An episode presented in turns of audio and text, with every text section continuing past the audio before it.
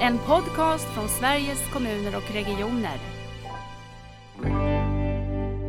måste nog vara beredd på att tillsammans med de som finns runt omkring en, både i kansliet och de som är valda och medlemmarna, att tillsammans hitta hur jobbar vi ihop, vart ska vi någonstans, eh, gå två steg framåt, backa ibland och så. Det tycker jag är roligt och spännande.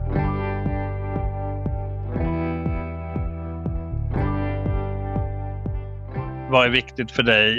Eh, hur skulle liksom samhället behöva se ut eller tvångsvården behöva se ut för att eh, dina behov och resurser skulle vara i centrum på ett annat sätt än idag. Det tycker jag är oerhört spännande också med en målgrupp som blir väldigt sällan tillfrågad.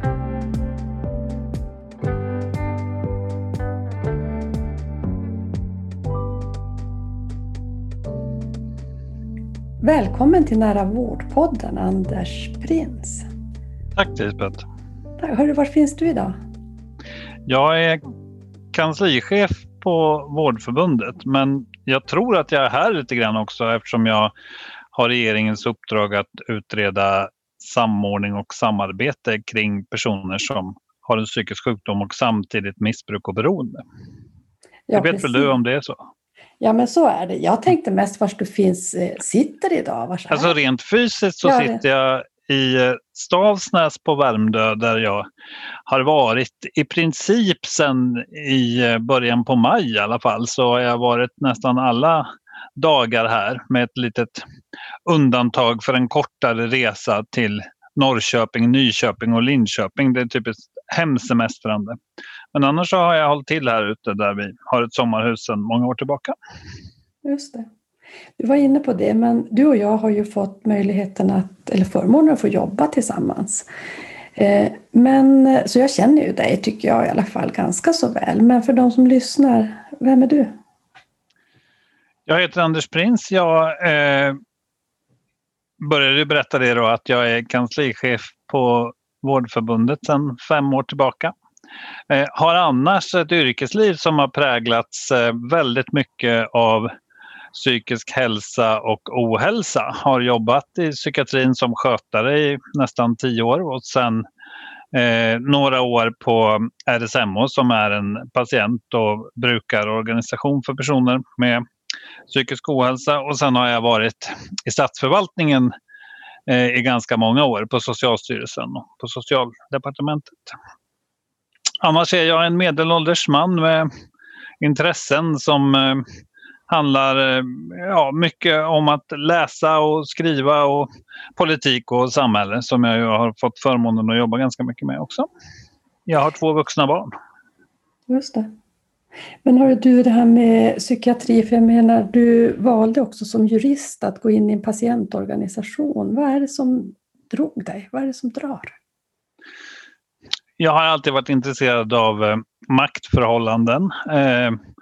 Och att eh, få jobba med att utjämna sådana.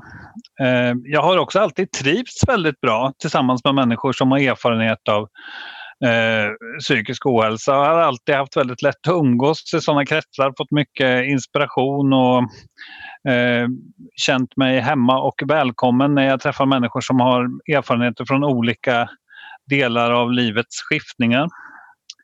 Eh, Eh, Sen var det kanske från allra första början lite så att jag är ju uppväxt i Vadstena där det fanns ett stort mentalsjukhus på den tiden. Där jag började jobba när jag hade slutat gymnasiet. Mm. Jag tänkte innan vi går in på din, ditt uppdrag och varför du framförallt är här idag. Så den här tiden vi fick jobba ihop, det var ju på Vårdförbundet och jag tänker ändå en liten sån här Eh, Eh, fundering kring hur du ser på att vara högsta tjänsteman i en politiskt styrd idéburen organisation. Vad, vad lär det dig? Mm.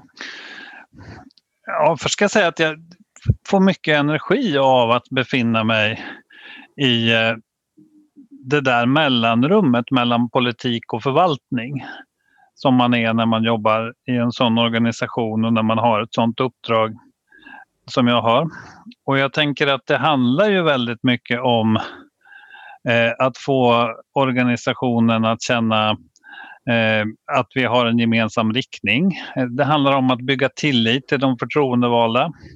Det handlar om att eh, stå ut med att saker och ting all, inte alltid är alldeles solklara. Eh, jag tror att om man tänker att för mig är det väldigt viktigt att allting är alldeles tydligt när det gäller uppdrag och mandat så ska man kanske inte jobba i en sån organisation, åtminstone inte i en sån roll som jag har, utan man måste nog vara beredd på att tillsammans med de som finns runt omkring en, både i kansliet och de som är valda av medlemmarna, att tillsammans hitta hur jobbar vi ihop, vart ska vi någonstans, eh, gå två steg framåt, backa ibland och så. Det tycker jag är roligt och spännande och eh, tycker att jag lyckas med det ibland och eh, att jag lär mig ofta genom att inte lyckas riktigt. Mm. Att våga inte lyckas också på något sätt. Ja, eller att liksom, eh, jag tycker att det är lärorikt att befinna sig i det där mellanrummet eh, och att det utvecklar ens ledarskap. Men man lär sig också mycket som person när man liksom har ett jobb som handlar ganska mycket om relationer. Mm. Och så är det ju fortfarande, tänker jag, i det här vårdkontextet som har varit lite av, av din yrkesbana. Mm. Tänker man lyssna på det. Och jag tycker också att det låter väldigt mycket som det jag håller på att lära mig kring att, att leda komplexa organisationer. För ska man leda en omställning som man ska göra mot nära vård runt om i, i Sverige, då gäller det att förstå hur man faktiskt driver så stora förändringar. Och då är mycket det här med att ta siktet på den gemensamma mm. bilden och tilliten så viktigt. Så det låter ju väldigt likt på det sättet. Men jag tänker att man kan ju fundera, hur gör du nu då när du jobbar på Vårdförbundet? Ska du bli ledig därifrån nu eller?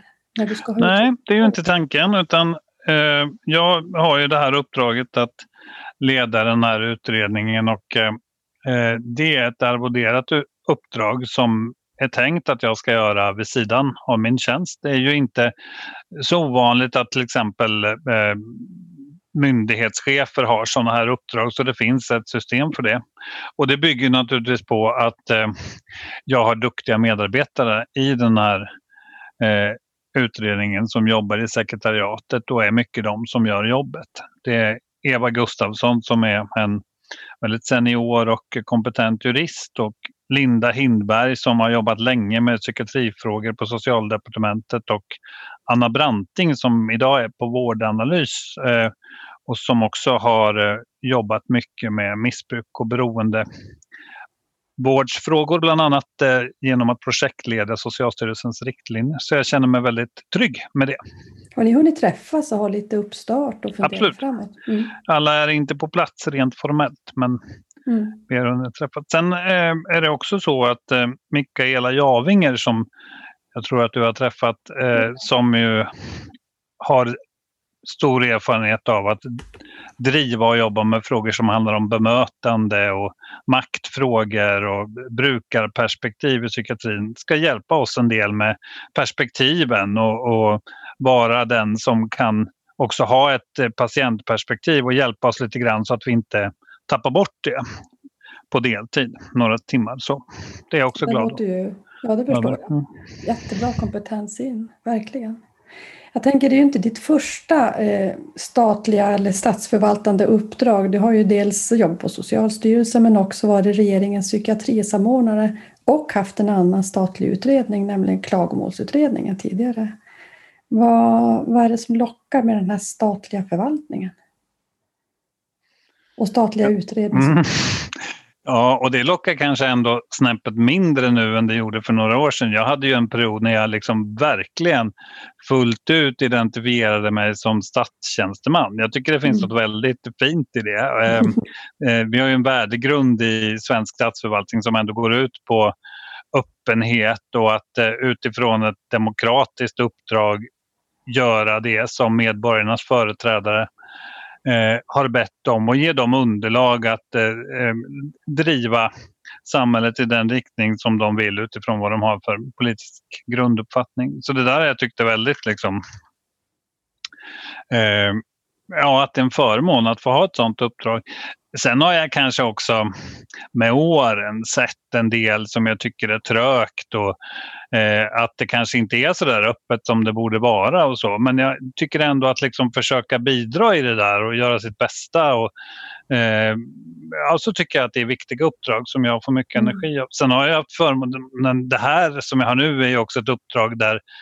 sakinnehållet är verkligen, det är jätteviktigt för mig att vi kommer någonstans när det gäller hur människor med psykisk ohälsa och missbruk och beroende eller alla kanske som har ett missbruk och beroende, hur man ser på den problematiken och hur man pratar om de personerna, att vi får till förändringar där. Och kan jag göra någonting åt det så eh, är jag glad för det.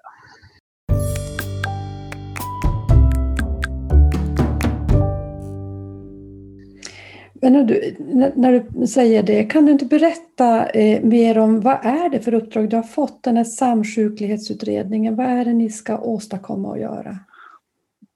Ja, jag kan ju berätta lite om bakgrunden. Så har det ju under många år varit så att eh, det är oklart hur socialtjänstens ansvar för missbruk och beroende är avgränsat i relation till hälso och sjukvårdens ansvar. Och för människor som har både en psykiatrisk sjukdom och ett missbruk och beroende så har ju det här lett till dels att man kanske bollas fram och tillbaka väldigt mycket. Jag hör historier om hur man liksom en eh, psykotisk eh, narkotikapåverkad kvinna tas emot på beroende akuten men man känner att vi kan inte kommunicera, vi hittar inte något bra förhållningssätt hon behöver till psykiatrin och när man går över parkeringen till psykiatrin så eh, mm. är hon inte heller välkommen där därför att man ser att hon är påverkad och då är det mm. inte eh, upp, har man inte ett uppdrag att möta. Det där är ju något som, det finns många, många sådana exempel och det ställdes väl på sin spets lite när Anna-Klara Bankel gjorde en Uppdrag granskning eh, där eh, hon följde en ung kvinna som har den här problematiken och som eh, får träffa ett stort, stort antal företrädare för vård och omsorg just utifrån att hon har båda de här problemen och där kontinuiteten brister kraftfullt. Och det finns ju rätt ett antal exempel också där människor har dött på grund utav eh, att det här inte hänger ihop och att det inte fungerar. Och det är ju det som är utgångspunkten för att jag då ska se över eh, samordning och samverkan och det som alla väntar på det är väl den delen av uppdraget som handlar om att föreslå hur ansvaret kan samlas hos en huvudman. Mm. Ansvaret för miss missbruk och beroendebehandling. Just det. Eh, och hur länge har du på dig? hur lång tid är det ni ska hålla på och jobba? Vi ska lämna förslagen eh, sista november 2021. Är det lång tid eller kort tid? Men jag tänker att när man har sådana här uppdrag så har man ju den tid man har på något sätt och då blir ju också utredningen och förslagen anpassade till den tid man har och eh, för mig är det viktigt att lämna dem. Hoppas att jag håller det. Mm. Men att lämna förslagen när det är tänkt att de ska lämnas, det handlar ju om hur man lägger upp utredningen och att man då vet från början när det här ska vara klart.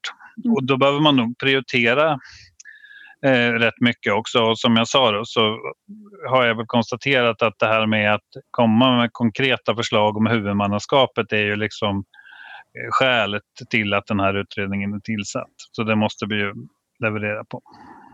Jag tänkte det när jag eh, läste att du hade fått uppdraget att det kan ju inte finnas någon person som, som är mer lämplig eftersom du har sånt engagemang. Jag tyckte du började i början att berätta om det här med maktförhållanden och vad som driver dig kring de här frågorna.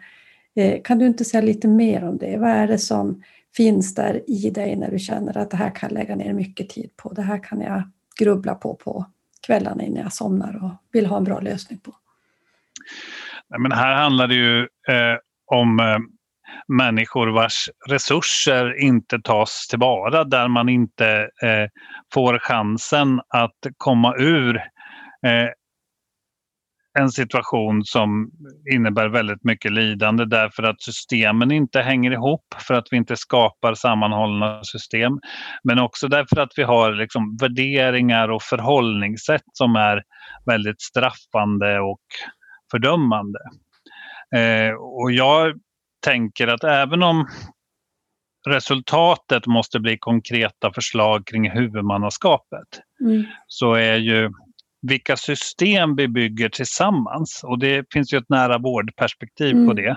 Mm. Och vilka värderingar och vilken kultur som präglar det systemet tror jag är det mest avgörande för att människor med sån här samsjuklighet ska få den vård och det stöd de behöver. Så där vill jag börja. Det är det som jag tycker är utgångspunkten. Sen behöver man liksom sy ihop det med lagförslag och ansvarsfördelning. Men utgångspunkten är eh, hur ser vi eh, på människor som har de här svårigheterna? I vilken grad frågar vi vad som är viktigt för dem? Och hur jobbar vi tillsammans för att resurserna ska användas på ett så bra sätt som möjligt så att det som är viktigt för att de ska känna att de kan liksom växa och komma ur det här lidandet eh, också är det vi fokuserar på.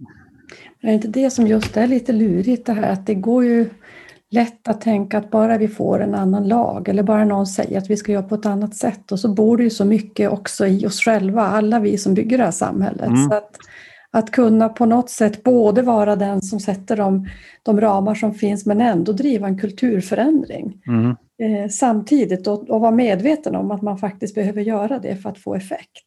Mm.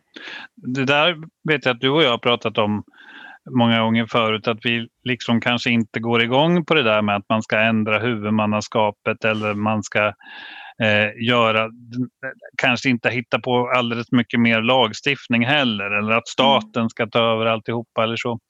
Eh, och det är ju fortfarande min grundhållning och som jag sa så tänker jag att eh, kultur, värderingar och systemperspektiv är jätteviktigt. Men det är nog ändå så att just det här området mm. så är det under så lång tid så att vi har sett så Eh, allvarliga konsekvenser över den otydlighet som är ansvaret. Också de som jobbar i missbruks och beroendevården eh, är ju ibland förtvivlade över att man känner att man kan inte göra sitt bästa för att man vet inte riktigt hur uppdraget ser ut. Eh, så att där tror jag att här är det nog så att det behöver liksom ses över och hittas ökad tydlighet. Mm. Och det är klart att, att vi behöver jobba med värderingsfrågorna, kulturfrågorna och gränsöverskridande lösningar oavsett var man sätter gränsen får ju inte heller hindra när man behöver göra om saker. Så det är ju inte någon, någon fundamental på något sätt sanning att vi kan aldrig ändra huvudmannaskapsgränser heller. Inte heller i nära vårdfrågor, även om det inte är den stora ingången i hur vi kommer att fixa det här mer mm. Eh, nära systemet för människor. Eh, vi, eh, jag vet ju också Anders att vi håller på att etablera ett samarbete med det vi från Nära vård jobbar med som kallas hälsolabb där vi har med oss Experio Lab från Sverige och också Linköping och Karlstad universitet. Och att du är lite intresserad av att se hur man ska kunna använda en sån här labbmiljö mm. när man driver utredning. Och det är inte jättevanligt, tänker jag. När vi funderar på om vi skulle kunna få till ett eh, samarbete där. Och, eh, det skulle i så fall ha tre delar och en är vi alldeles säkra på att vi ska genomföra och där är vi på gång att göra det också. Det handlar om erfarenhetsdialoger, kallar vi det. Eh, och det är personer som har egen erfarenhet av samsjuklighet eller som är anhöriga till personer med samsjuklighet där vi liksom ska sätta fokus på behov, resurser och beteenden utifrån de behov som du har, utifrån hur du gör när du eh, tar emot eh, vård och omsorg och utifrån eh, de resurser som du själv eh, vill använda. Eh, hur skulle samhället då se ut när eh, det uppstår ett möte mellan dig och de som ska hjälpa och stödja. Hur ska det vara organiserat? Hur, liksom, vad är det för eh, ingredienser och delar som är viktigt för dig i den delen. Utifrån det där så tror jag att man kan få fram liksom grundläggande principer, värderingar, eh, målbilder som ska prägla det här området. Mm.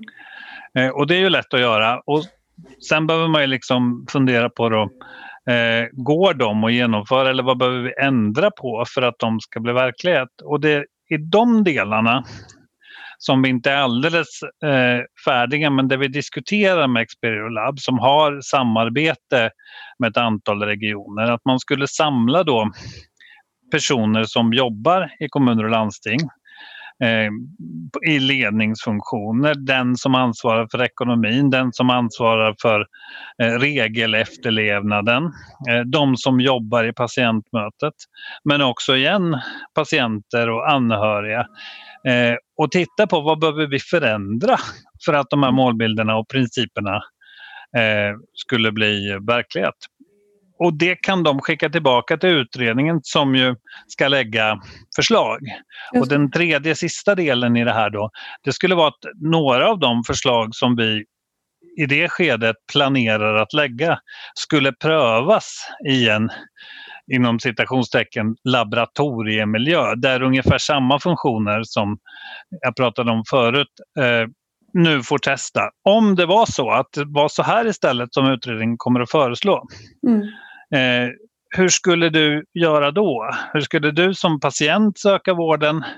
Eh, hur skulle ni som vårdgivare eh, hantera eh, ert uppdrag om det såg ut på det här sättet. Och då kan man kanske hitta saker som också visar att men så där går inte att göra eller det där är jättebra på pappret men vi har ju inga sjuksköterskor så så kan man ju inte göra. Nej. Eh, ju mer jag har jobbat med den här omställningsfrågan till nära vård, ju mer eh, tänker jag att vi behöver lära oss så mycket, mycket mer om hur man skapar tjänster. Att tänka mycket mer tjänstelogiker än produktionslogiker som vi har gjort så mycket i hälso och sjukvård. Och då tänker jag att det här är också ett sätt att verkligen förstå att tjänsten skapas ju också. Vi måste förstå behoven och vad, mm. vad som skulle vara svara mot det. Så det känns ju som ett modigt grepp och ett nytt grepp som eh, jag känner att det är en himla förmån om man får vara med och spana lite på från sidan sådär som mm. jag kan få göra i det här hälsolabbet. Mm. Eh. Men jag, jag känner mig också lite eh, jag tycker att det där är jättespännande. Jag har precis samma liksom, ingång i det. Att jag tror verkligen att eh, man måste pröva sina idéer eh, tillsammans med dem som eh, kommer att liksom, bli föremål sen för hur eh, eh, det här, eller som kommer att liksom jobba och ta emot tjänster i det här systemet. Det måste prövas på det sättet. Samtidigt är jag lite orolig för, liksom, får vi till det här ordentligt? Kan man göra så här?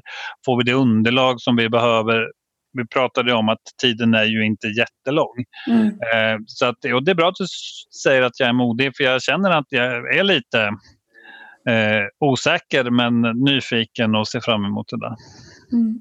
Men jag tänker ändå att det händer ju någonting med hela de här utredningsrörelserna. Man kan ju också se på Anna Nergårds utredning, mycket mera dialog. För förstår man den här kopplingen mellan regelstyrningen och lagstiftningen mm. och kulturförändringen så har man ju ett ansvar också att bära på något sätt i en kulturresa mm. som kan fortsätta sen efteråt också. Det är ja. ju, allt behöver ju inte vara klart. Men man Nej, verkligen sätt att, ett annat sätt att tänka och jag tror det är mm. så vi sätter ju normer på det sättet och, och nya värderingar och tankar. Den utredningen har ju verkligen betonat att det är en rörelse mm. mer än att det är förslag som sen ska bara antas och så blir det så. Eh, jag tycker också att det är jättespännande att titta på hur Kerstin Evelius gjorde när hon hade mm. i uppdrag att verkligen. se över tvångsåtgärder för barn och unga. För de jobbade ju så att de eh, samlade ju unga personer, riktigt unga personer som hade varit eh, som hade erfarenhet av eh, att vara tvångsvårdade i psykiatrin och gjorde ungefär som jag beskrev att vi ställde ungefär samma frågor. Eh, vad är viktigt för dig? Eh, hur skulle liksom samhället behöva se ut eller tvångsvården behöva se ut för att eh, dina behov och resurser skulle vara i centrum på ett annat sätt än idag. Det tycker jag är oerhört spännande också med en målgrupp som blir väldigt sällan tillfrågad mm. om hur de vill ha det. Att de fick vara utgångspunkt för en statlig utredning som sen blev lagstiftning. Mm. Precis, det finns föregångare och jag tänker att det är väl ändå någon, kan man se det som en hoppfull trend att vi också börjar tänka mer så i de här områdena som är just komplexa och, och så kulturbärande och viktiga för vårt samhälle så är ju det fantastiskt härligt.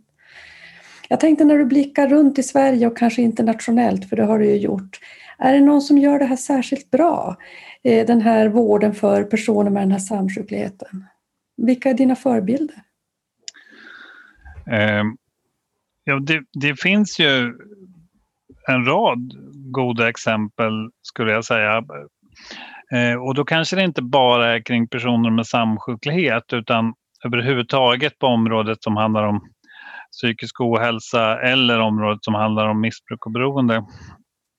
Jag ska åka till Skåne om ett par veckor eh, och där hoppas jag att jag får träffa Maria-verksamheterna i Skåne för ungdomar.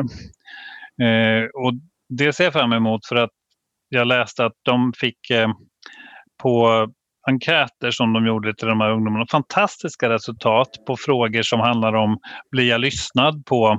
Tycker jag att jag blir mött utifrån mina förutsättningar och så? Och, eh, eh det brukar vara svårt att få höga poäng på det eh, mm. hos ungdomar som har den här typen av problem. Men det har de fått. Mm. Och det tycker jag ska bli jättespännande att höra. Vad tror de själva är liksom, eh, kärnan i det.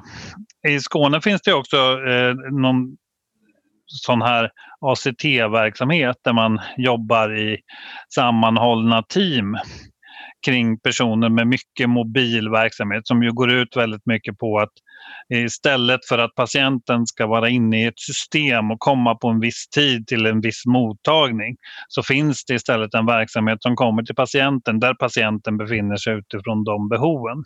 Mm. Där jobbar de också med peer support, alltså personer mm. som själva har erfarenhet av mm. eh, psykisk sjukdom och ohälsa som kan vara ett hopp som kan hjälpa till med just de här liksom, kanske skillnaderna i makt som annars finns mellan den som ger vården och den som tar emot den. Att jag har själv den här erfarenheten kan också hjälpa de som jobbar i de här teamen och som inte har den erfarenheten att se nya perspektiv.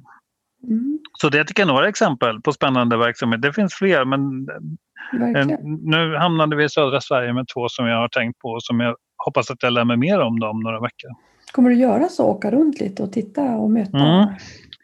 Vi har tänkt att vi ska ha fem regioner som vi fördjupar oss i lite. Och det handlar dels om att vi vill prata med dem som finns i de verksamheterna och liksom förstå dem i en dialog. Men sen så behöver vi verkligen ta fram hårddata, tänker jag, om vad är det för tjänster som finns i de här verksamheterna idag? För det är väldigt stora skillnader. Liksom vad får man om man eh, söker socialtjänsten för att man eh, dricker för mycket? Eller vart blir man hänvisad? Och vad kostar de här verksamheterna? Och så? så då ska vi fördjupa fem områden som vi ska tränga in i det där ordentligt. För att vi kanske också behöver ställa en del frågor till alla men det är ofta så att ska man använda sig av register eller det som finns inrapporterat till Sveriges kommuner och regioner eller till Socialstyrelsen så blir det, det är ju viktiga uppgifter men det blir inte en helhetsbild så vi skulle vilja titta ordentligt mm. eh, på några områden och då ska vi också åka dit. Och när du säger regioner så pratar du om geografiska regioner för den här utredningen är ju verkligen båda huvudmännens. Eh, Absolut. Huvudmännen har ju att göra. Absolut, så är tanken. Eh, och jag tänker just det, det är ju en, en av de stora frågorna i nära vård, hur man får ihop ett system, eh, kanske utan att rita om huvudmannaskapsgränserna, men vi kommer alltid ha gränser mellan kommun och, och, och regionens verksamheter. Mm. Hur tänker du kring det där? Det är ju en av huvudfrågorna mm. i den här utredningen. Eh, och här så tror jag att det är så att utgångspunkten måste vara en tydlig ansvarsfördelning. Mm. Eh, och att den är tydligare än nu. Mm. Sen kan man ju alltid fundera på då vad som driver samverkan i övrigt. För det kommer ju alltid behövas samverkan. Det är inte så att vi kan föreslå en ordning som gör att man kan jobba helt för sig. Och det kommer ju också skapas nya gränssnitt. Vi kommer ju hitta på liksom, eh, nya eh, murar och avstånd genom att säga att nu ska gränsen gå här istället. Så man behöver ju hela tiden ha ett sådant fokus. Eh, jag måste säga att jag, det där tycker jag är jättesvårt och jag har ju varit med ganska länge eh, och har sett eh, verkligen en inflation av olika försök att styra i den här riktningen. Vi har ju ett 40-50-tal bestämmelser i olika lagstiftning om samordnade planering och sådana här just. saker. Eh, jag har ju följt hur man med ersättningssystem försöker eh, tvinga fram eh, samordning.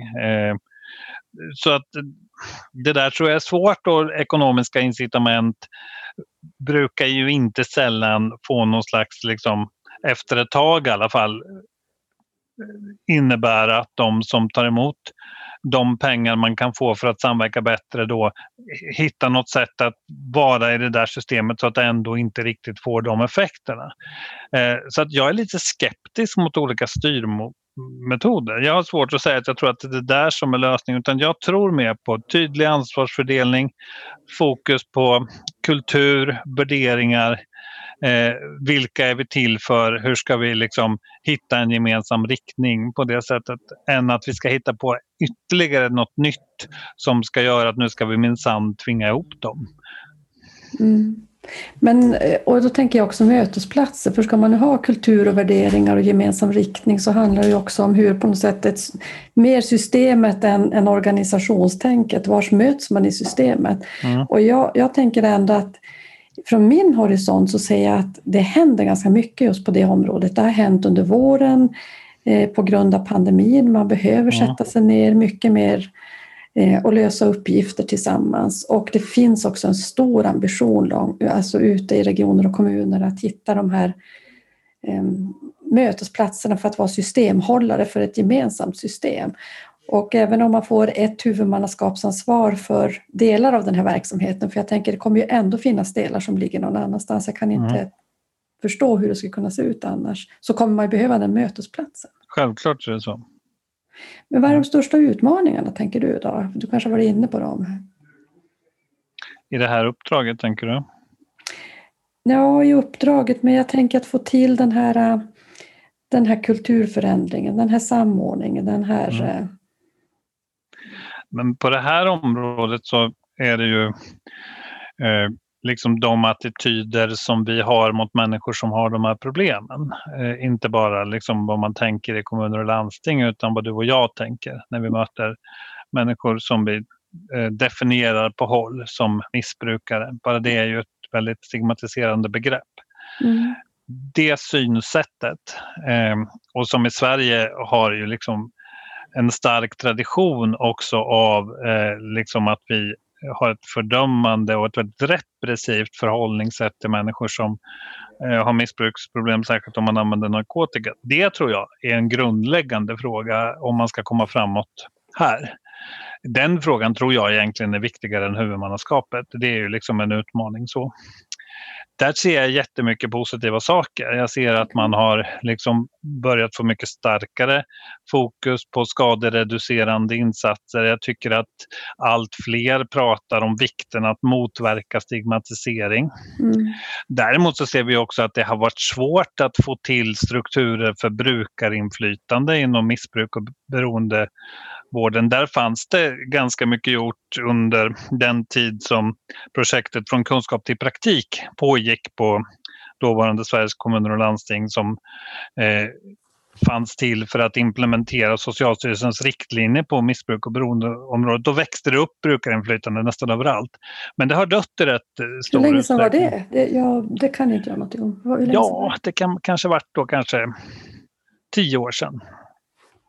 Mm. Mm.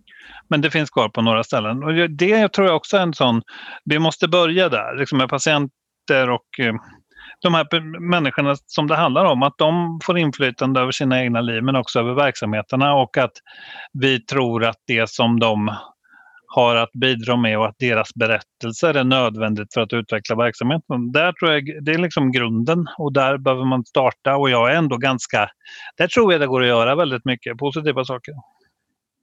För alltså, du, du sa någonting tror jag om styrning och att det kanske inte handlar så mycket om det, men kan inte en del av styrning också vara att ta vara på berättelser?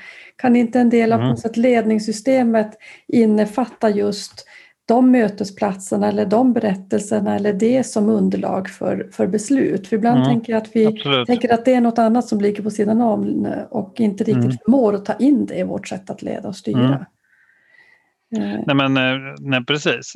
Och, och där är det väl viktigt också när man pratar styrningsfrågor i välfärden.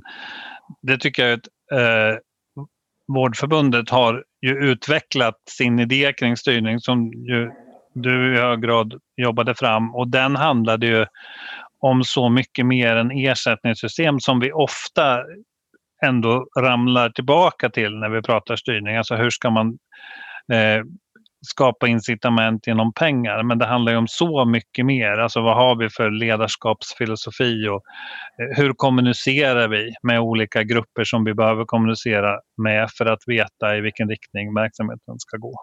Mm.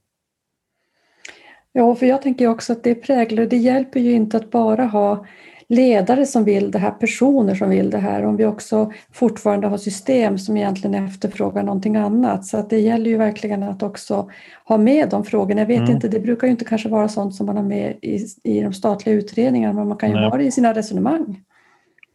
Ja, de, de statliga utredningarnas dilemma här är ju att det går ju inte att göra så mycket åt eh, det där. Det, går, det finns ju liksom inga verktyg. Det går ju inte att lagstifta fram sådana saker. Man kan ju, det har man ju försökt verkligen. Det var jag inne på förut med bestämmelser om att man ska göra överenskommelser och då mm. ska också de personer som det handlar om vara med och så. Men det får mm. ju ingen riktig effekt. Så, att, så är det ju, att det, det är ett dilemma. Men jag tror ändå att det är viktigt att ha en idé om hur eh, man tänker kring styrning av verksamheten och vad man tror faktiskt gör skillnad. Och jag hoppas att jag kommer att vara ganska försiktig med att hitta på en massa nya saker eller en massa nya garantier och sådana saker. Jag är inte alls säker på att det leder i rätt riktning även om jag förstås kan låta mig övertygas om jag får bra argument för det. Så tror jag ändå att fokus ska vara tydlighet i ansvar, kultur, värderingar, eh, underlätta för människor att få del av vården. Fokusera på ett hälsoperspektiv, det kan man göra ganska mycket när det gäller den här gruppen. Eh, men jag är tveksam till att eh, hitta på en massa nya liksom, eh, krav eller stimulanser för det skapar ofta stor irritation också hos de som sen eh, ska utföra det här.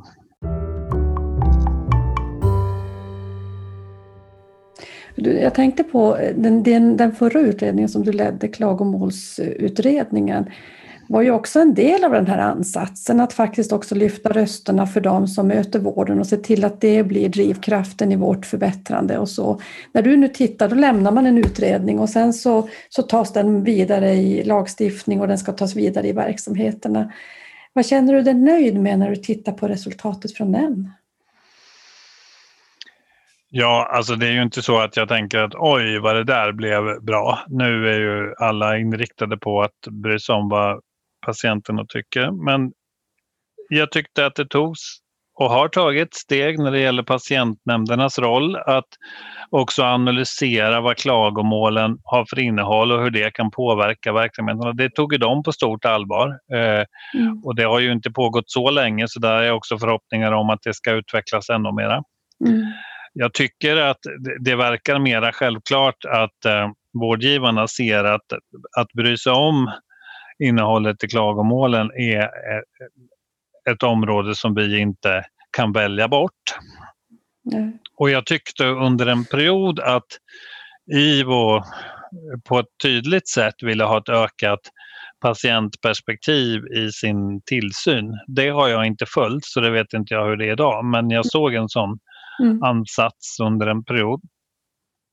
Eh, annars så är ju det här processer som tar väldigt lång tid och jag vill verkligen betona att jag tror inte att eh, det där är så att för att man skriver saker i lagstiftning, och det gjorde ju vi verkligen. Vi, vi skrev ju det där som jag sa förut att jag kanske inte är säker på får så stor effekt, att IVO skulle prata med patienter och mm. skrev tydligt vad som var patientnämndens uppdrag och så.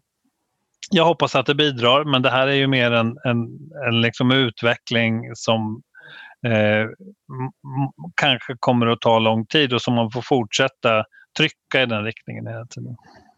De här målgrupperna som du nu ska uh, titta på och förbättra för, syns de i patientnämnderna? Vänder de sig till patientnämnderna? Alltså psykiatriska patienter mm. vänder sig en del till patientnämnden. När det gäller beroendepatienterna så vet inte jag det. Det är en Nej. självklar fråga för vår utredning att ställa och höra mm. vad de har för erfarenheter på mm. nämnderna. Mm. Eh, det dök faktiskt upp en fråga kring själva direktivet. Jag har ju läst det och så, men har du någon avgränsning i ålder? Nej. Nej. Hur kom, nej. Så det är både unga människor och, och äldre människor? Mm. Och när det gäller barn så är, är det ju eh, extra tydligt att vi ska ha ett barnperspektiv och eh, förhålla oss till barnkonventionen och så. Och då mm. kan det gälla barn som har den här problematiken men det kan ju också gälla barn som anhöriga. Just det, för hela anhörigperspektivet, eh, det kommer ni ha med för du pratade om eh, de här eh, dialogerna med de som har erfarenhet och det är både erfarenhet av anhörig, som anhörig och som, som person själv mm. med missbruksproblematik och, och psykisk sjukdom eller ohälsa. Hur, jag, jag, tänker att det här med anhörigas roll i hälso och sjukvård i Sverige är ju ganska svagt. Det finns ju, mer i socialtjänstlagen finns ju de perspektiven inne. Mm. Men de har ni också att titta på. Ja, i alla fall så tänker jag att det måste ingå i det här. Mm. Eh, det är inte direkt uttryckt i de strecksatser som avgränsar uppdraget men jag tycker att det genomsyrar resonemang i direktiven så att det perspektivet behöver. Sen tänker jag också att för vår del, det är två saker. Dels vad vi behöver för perspektiv för att lösa våra uppgifter och dels vad vi vill åstadkomma med de förslag vi lägger. Och I den första delen så, så är det ju inte för att det står att vi ska göra det utan för att jag är övertygad om att vi behöver ett anhörigperspektiv också eh, mm. på de här frågorna. Mm. Kommer du samarbeta någonting med med Peter Almgren som har utredningen för barn och unga, för han tittar ju också på en del av, av psykisk ohälsa-problematik. Mm, absolut, det kommer vi göra. Vi kommer också ha samråd med nära vårdutredningen och den del som Anna Nergård jobbar med mm. nu som handlar ju också om psykisk hälsa Precis. och inte minst primärvårdens roll i den delen. Så det kommer vi ha. Och hur går det till? Hur gör man? Ja, det har vi ju inte, det har vi väl inte bestämt riktigt. Det, vi börjar med att prata med varandra. Ja. Eh, och då handlar det väl både om att inledningsvis så handlar det ganska mycket om att prata om vad är det för område som ni tycker att ni ska ha fokus på och var kommer ni lä lämna förslag och då behöver vi jobba ihop med det där eller vi behöver ha utbyte kring den delen så att vi inte kommer med två olika Eh, perspektiv på samma fråga och så. Och sen så hoppas jag att man i ett sånt möte också kan lära varandra saker och att eh, dialogen i sig gör att vi hittar eh, bra ingångar i våra respektive uppdrag. Mm. Jag tänker på det här med omställningen till nära vård, om vi, eh, vi ska börja avrunda, men hur tänker du kring den rörelsen? Om du nu släpper lite grann av eh, jag har med utredningar såklart, mm. det perspektivet, men tänk också lite större. Eh, kommer vi att lyckas? Ja, det, det beror ju lite på också vad man menar eh, med eh, att det är att lyckas. Eh, ska man vara väldigt så här, eh, lite bit Twitter, och det kan man ju faktiskt vara lite så, eh, kan man ju leta upp en massa utredningar från 50-talet. Det finns ett sådant kapitel i någon av Anna Nergårds betänkanden där man visar på hur man pratat om vårdens utveckling tidigare. Och då så tror jag att det är någonstans på 50-talet man pratar om att vi måste flytta över resurser från eh, den sjukhustunga vården till den mer nära vården om man pekar på primärvården. Och eh, åtminstone de som arbetar i primärvården uppfattar ju inte att den resursöverföringen har skett, åtminstone inte i relation till hur också uppdraget och eh, kraven har ökat. Eh, så det här är väldigt svårt och det är något man har pratat om väldigt länge. Men jag tycker mycket om ansatsen att det inte bara handlar om ett primärvårdsperspektiv utan att det handlar om eh, hur vi jobbar tillsammans och hur systemen ska se ut och att vi behöver utgå ifrån personens behov och resurser och hur den eh, agerar i systemet och att det blir alldeles nödvändigt när det handlar om människor eh, som inte bara ska få en sjukdom reparerad utan som ska mm. leva sina liv med både hälsa och ohälsa. Det. Eh, och det perspektivet tror jag eh, kan liksom leda oss framåt. Sen är det väl aldrig så att man kommer att säga att ja, men nu är den nära vården färdig så nu har vi lyckats Nej. med det här. Utan man får ju fortsätta liksom stångas eh, kring de här grejerna. Eh, och jag är själv det kanske ett livsskede där jag eh, återkommer till det här med liksom, eh, värderingar, målsättningar, vad är det vi ska göra tillsammans, eh, mer än att hitta en styrsignal som omedelbart liksom löser ett samverkansproblem eller så. Och det tycker jag att den här nära vårdrörelsen Eh, präglas av. Men vi måste säkerställa att det finns tillräckliga resurser också. Det, mm. det är ju alltså obalansen mellan krav och resurser i den verksamhet som ska möta till exempel äldre människor med flera sjukdomar eh, behöver vi göra något åt. Vi behöver ha ett fokus på den kommunala hälso och sjukvården. Vi behöver ha ett fokus på samspelet med primärvården på riktigt och inte mm. bara prata om det. Eh, och det är en stor utmaning. Jag tror att det handlar både om det här med värderingar men det handlar ju också om att faktiskt ta resursfrågan på allvar. Mm. Och jag tänker att alla de här frågorna, eh, det kanske beror på vilka glasögon jag har på mig, men, men känner jag finns ju också med i samtalet nu och det gör ju mig eh, hoppfull och att vi kommer att lyckas att gå åt det här hållet. Sen är det precis som du säger, det är ju ingenting som man blir färdig med, men att vi kommer att vrida perspektiven så. Mm. Eh, vad gör att du har tålamod då? För det här tar ju de sa klagomålsutredningen, det är ingenting som sker så snabbt och det kommer inte vara för hur, hur, hur hämtar du kraft för tålamodet? För någonstans ska man ju både ha ett driv och ett tålamod. Ja, för att jag hänfaller också till bitterhet i perioder och så kommer jag ur dem. Det är kanske är det som är eh, lösningen. Lite grann. Eh, så att jag vet egentligen inte om jag kan säga att jag har väldigt mycket tålamod. När det gäller det här uppdraget som jag har nu så tycker jag att det är så himla skitviktigt faktiskt att mm. få fram någonting som gör att eh, människor inte dör för att eh, man inte har fått ihop det kring socialtjänst och hälso och sjukvård eller att vi har attityder eh, mot människor som visar symptom på beroendesjukdom att de ska eh, straffas och att vi tar ifrån dem boende och sysselsättning om de visar de här symptomen. Eh, mm. Även om jag inser att jag inte har liksom, alla redskapen för att ändra på det. Så att verka i den riktningen eh, ha, får jag sån energi av för att jag tycker att det är så viktigt. Mm. Jag tänkte att vi ska avrunda vårt samtal. Är det någonting som vi inte har pratat om som du känner att det här ska vi prata om? Jag skrev en liten fusklapp, ska jag titta på den? Gör det. Jag har inte pratat om kanske, men det finns en grej som jag eh, har tänkt mycket på när jag har pratat med människor som har sökt psykiatrin eh, i olika sammanhang. Och som också blir så eh, väldigt tydligt med den grupp som det här utredningsuppdraget eh, riktar in sig på. Eh, och det är att man känner ofta att man blir avvisad. Mm. Eh, och att man skulle vända på det där och att verksamheterna skulle fundera på hur välkomnar mm. jag en person som just nu har valt att eh, söka vården. Det här handlar ofta om människor som kanske har jättedålig tillit till eh, vård och omsorg eh, som en stor tveksamhet till är det här verkligen ett problem? Ska jag verkligen söka för det här? Eh, och gör man det då, då måste man liksom vara på tårna och man måste säga att du är välkommen hit. Men det vi ofta gör nu, det är ju att vi säger att ja, men det där är nog en missbruksproblematik och du ska nog söka dit eller eh, det här är liksom, det är fel på något sätt eller det går inte nu eller det går kanske sen och så.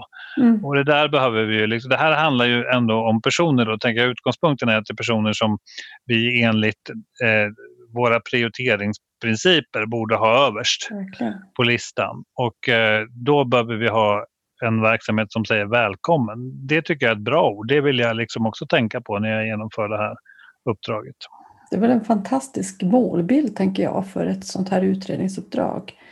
Och någonting som hela hälso och sjukvården ska behöva lära mycket av, men det vore väl eh, bra om just det här området kunde få gå före och göra det. Jag tänker så här, om jag säger ordet nära till dig, vad tänker du på då? Ja, nära till kanske. Jag är väl också präglad av att jag vet att vi sitter i en nära vårdpodd när du ställer den frågan. Eh, men jag tänker att, eh, att ha patienten eller den person som behöver de här insatserna, att ha dens utgångspunkt, att det är den som har nära till det man behöver i sitt liv. Eh, för att det är ändå så att vården är en ganska liten del av det här livet och då behöver det vara nära till när man behöver det i de delarna. Eh, så det tänker jag kanske. Tack. Vad tänker du som expert på nära vård? Oj, ska jag, ska jag svara på den jag också? Eh, ja, jag tänker att nära måste ju vara någonting som utgår från från personens eh, behov och eh, personens, ja men egentligen tycker jag nära och välkommen hängde väldigt väl ihop. Eh, att få också vara nära sin egen hälsa och sin egen kraft och, och att eh, vården supportar snarare kraften än tar över. Det tänker jag nog också nära. Mm. Du, tack Anders för ett jätte spännande samtal och så himla stort lycka till med ditt uppdrag. Ja, du med med ditt. Mm. Mm. Tack. Tack.